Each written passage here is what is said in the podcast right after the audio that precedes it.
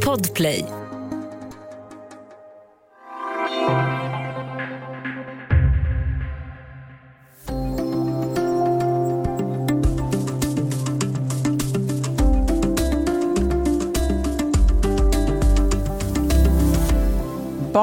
Stulits från sina biologiska föräldrar och adopterats till Sverige. Det är barn som har vuxit upp och många gånger fått höra att de var oönskade. Och mammor som en gång fått veta att deras barn tyvärr dog kort efter förlossningen. I Studio DN idag om vad som kan hända vid internationella adoptioner. Jag heter Sanna Thorén Björling.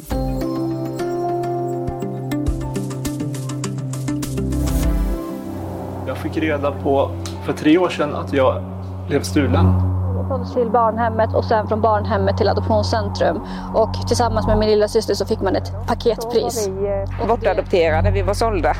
Trafficking. Vi gör research och fick reda på att vi egentligen var bortrövade. Jag blev stulen eh, på sjukhuset eh, från min mamma under födseln och kom till Sverige under falska papper och falsk identitet. Ja, det blir ju alltid det här, men ni ska vara tacksamma över att ni fick komma hit. Så, men jag har ju inte bett om det. Men jag är, jag är tacksam, men jag har inte bett om det.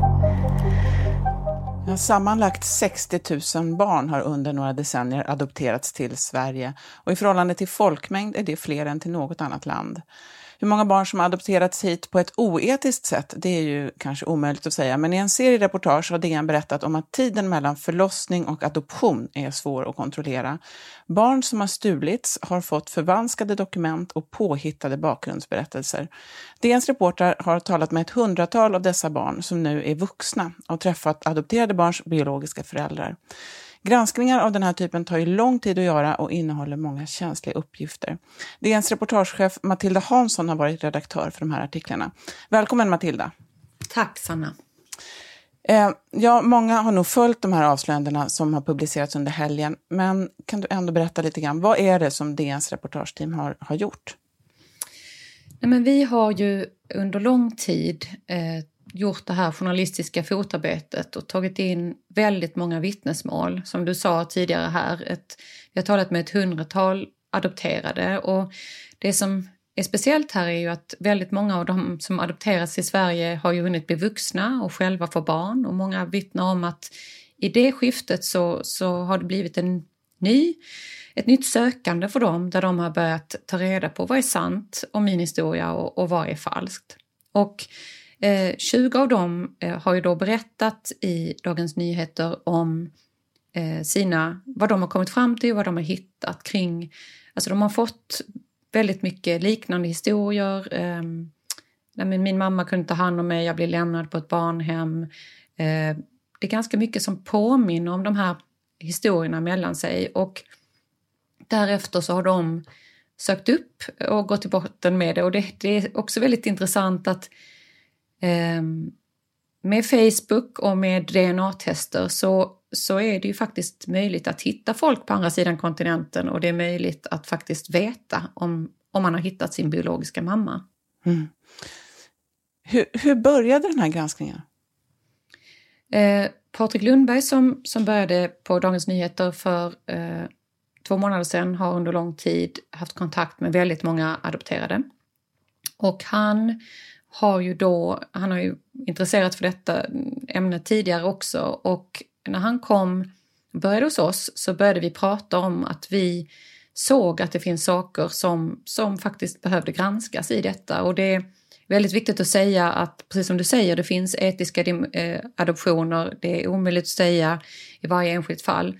Men det som vi tyckte var viktigt att sätta fokus på, ljuset på, det är de fall där det faktiskt har begåtts brott mot barn och också mot biologiska föräldrar. Mm.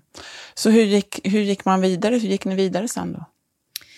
Vi har ju då läst tusentals dokument och eh, begärt ut handlingar från myndigheter, från departement, från eh, ambassader. Eh, vi har läst eh, de här adoptionsförmedlingarnas egna berättelser och tidningar och vi har läst tusentals artiklar om adoptioner till Sverige. Och eh, därefter så har vi gjort vanligt journalistiskt fotarbete. Vi har talat med källor, vi har haft bakgrundssamtal, vi har läst dokument, vi har lagt ett pussel kring vad som faktiskt har hänt. Mm. Eh, och sen har ni då pratat med hundratals personer som du säger.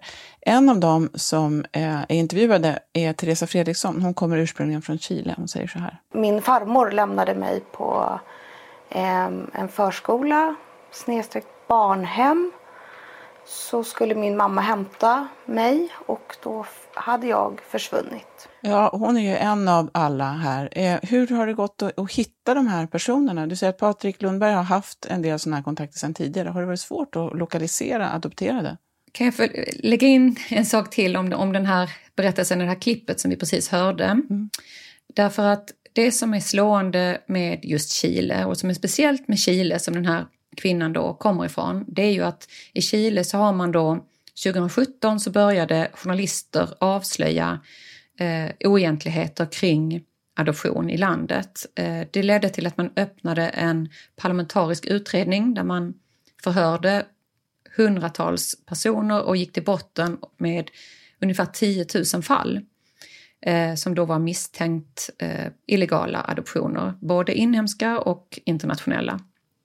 Och därefter har man då startat en brottsutredning eh, som just nu pågår. Och det är egentligen två modus kan man säga som, som går igenom allt detta. Det ena är det som den här kvinnan berättar om, nämligen att fattiga människor, ofta från ursprungsbefolkningen, eh, har lämnat sina barn till, det är liksom inte en förskola men det är en slags dagvar, dagbarnvård där de har kanske jobbat som hembiträden i en annan stad eller jordbrukare och har lämnat in sina barn men blivit lovade att det är tillfälligt och att de ska hämta dem och ändå har de kommit dit och barnet är bara borta.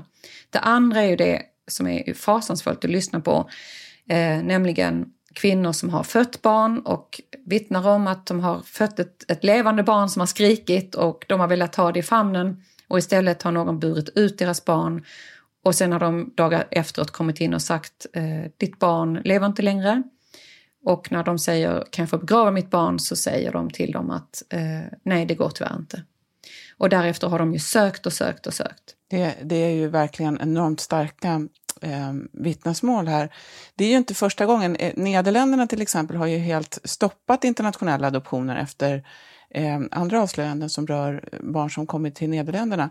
Eh, och vad som händer, hur den här utredningen i Chile, vad den leder till, det vet man väl inte än. Vad är skillnaden nu mellan de avslöjanden som, som, som DN har gjort och som pågår nu mot, vad vi, eh, mot tidigare? Eh, om jag får flika in det här med Nederländerna. Ja. Alltså det är ju så här att en rad länder som har adopterat till Sverige har ju upphört med att göra det, till exempel Etiopien.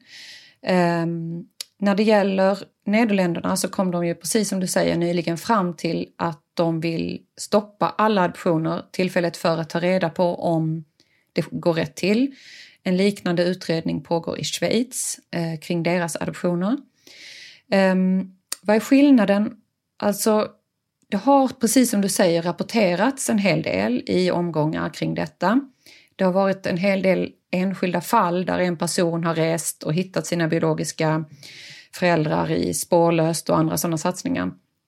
Det vi har velat göra det är att titta på vad har Sveriges roll varit under decennier i detta? Vad är det som Sverige, hur har Sverige kunnat garantera att barn inte far illa och att vi lever upp till de konventioner som, som vi har skrivit under. Därför att det är ju så här att eh, Haagkonventionen om skydd av barn och samarbete vid internationella adoptioner slår fast en rad saker, vad som ska gälla för att eh, en adoption ska vara etisk och även barnkonventionen som ju Sverige har som lag sedan januari förra året. Vi ska återkomma lite grann till det här med etiska adoptioner. Men, eh, men jag vill också fråga bara, eh, på samma sätt som adoptivföräldrar då kanske ställer sig frågan, hur vet vi att uppgifterna om att mitt barn var övergivet då är, är sanna? Så kan man ju fråga sig här då, hur vet vi att de här barnen verkligen är bortrövade? Nej, men det är ju väldigt många som faktiskt inte kan ta reda på det. Eh, och, eh, men det man kan konstatera är ju om man till exempel tar ett DNA-test och man matchar med en kvinna som, som vittnar om detta, då är det ju oomtvistligt att det dokument som de då har läst där det har stått något helt annat är falskt. Eh, så att det handlar ju mycket om att gå till dokumenten och i varje enskilt fall ta reda på vad som, vad som är sant. Det är jättespännande. Vi ska alldeles strax tala lite mer om DNs avslöjanden om barn som adopterats bort i, eh, och att de i själva verket har varit stulna.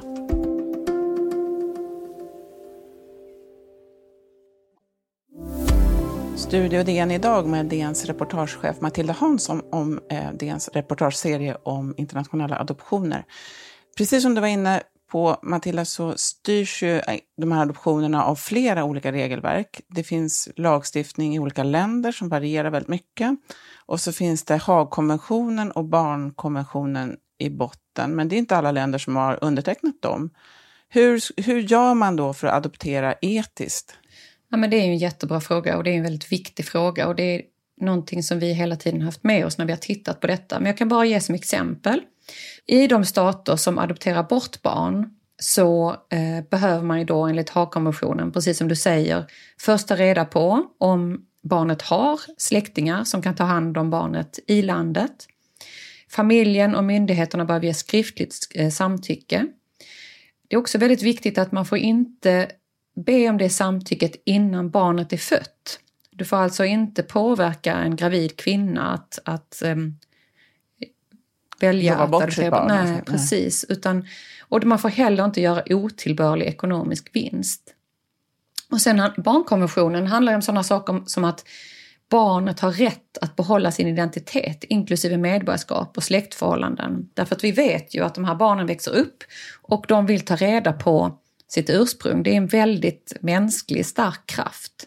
Och det har barnet rätt till att kunna eftersöka det och då behöver identitetshandlingarna stämma. Så i många fall här så handlar det om hur, man, hur noga man har kollat det här då, eller om man ha, hade kunnat göra mer eller om man har gjort det trots att man inte har kunnat gå till botten med exakt hur det har gått till då? Exakt, detta har barnen rätt till och det är mm. detta som är så väldigt viktigt på många håll, visar vår granskning, så sker inte detta idag. Mm. Det är ju många som adopterar barn, är, eh, är ju, en del är ju ofrivilligt barnlösa kanske, andra hoppas på att hjälpa barn som har det väldigt svårt. Eh, och som du var inne på så finns det ju, åtminstone tidigare har det funnits ibland en ideologisk komponent i det här också. Det är väldigt starka känslor här. Det är också något som, som ju går att utnyttja. Eh, och en del av det som ni beskriver då är ju barn som har stulits, sålts och adopterats bort. Men då undrar man ju, vem är det som tjänar pengar på det här? Ja, det är väldigt svårt att säga.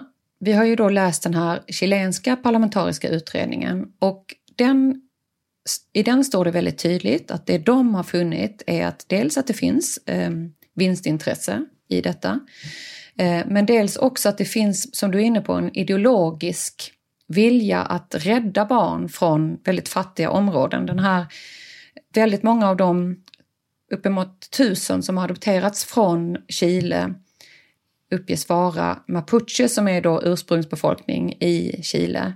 Och det, de har ju varit, haft en otrolig misär och levt otroligt fattigt.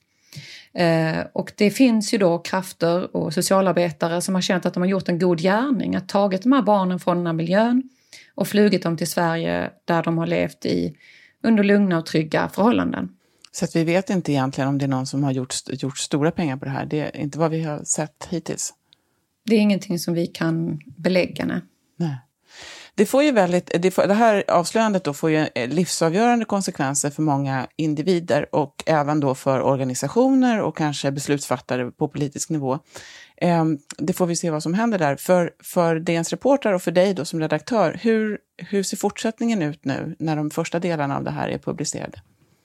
Just det, för det är ju tre reportrar som har jobbat väldigt hårt med detta. Det är ju då eh, Patrik Lundberg, Josefin Sköld och Alexander Mahmoud. Vi har ju fått in redan otroligt många tips och vi har en rad avslöjanden som vi planerar att publicera kring detta, kring enskilda länder, men också hur Eh, de här reserapporterna som myndigheten som ska granska detta, vad de har kommit fram till.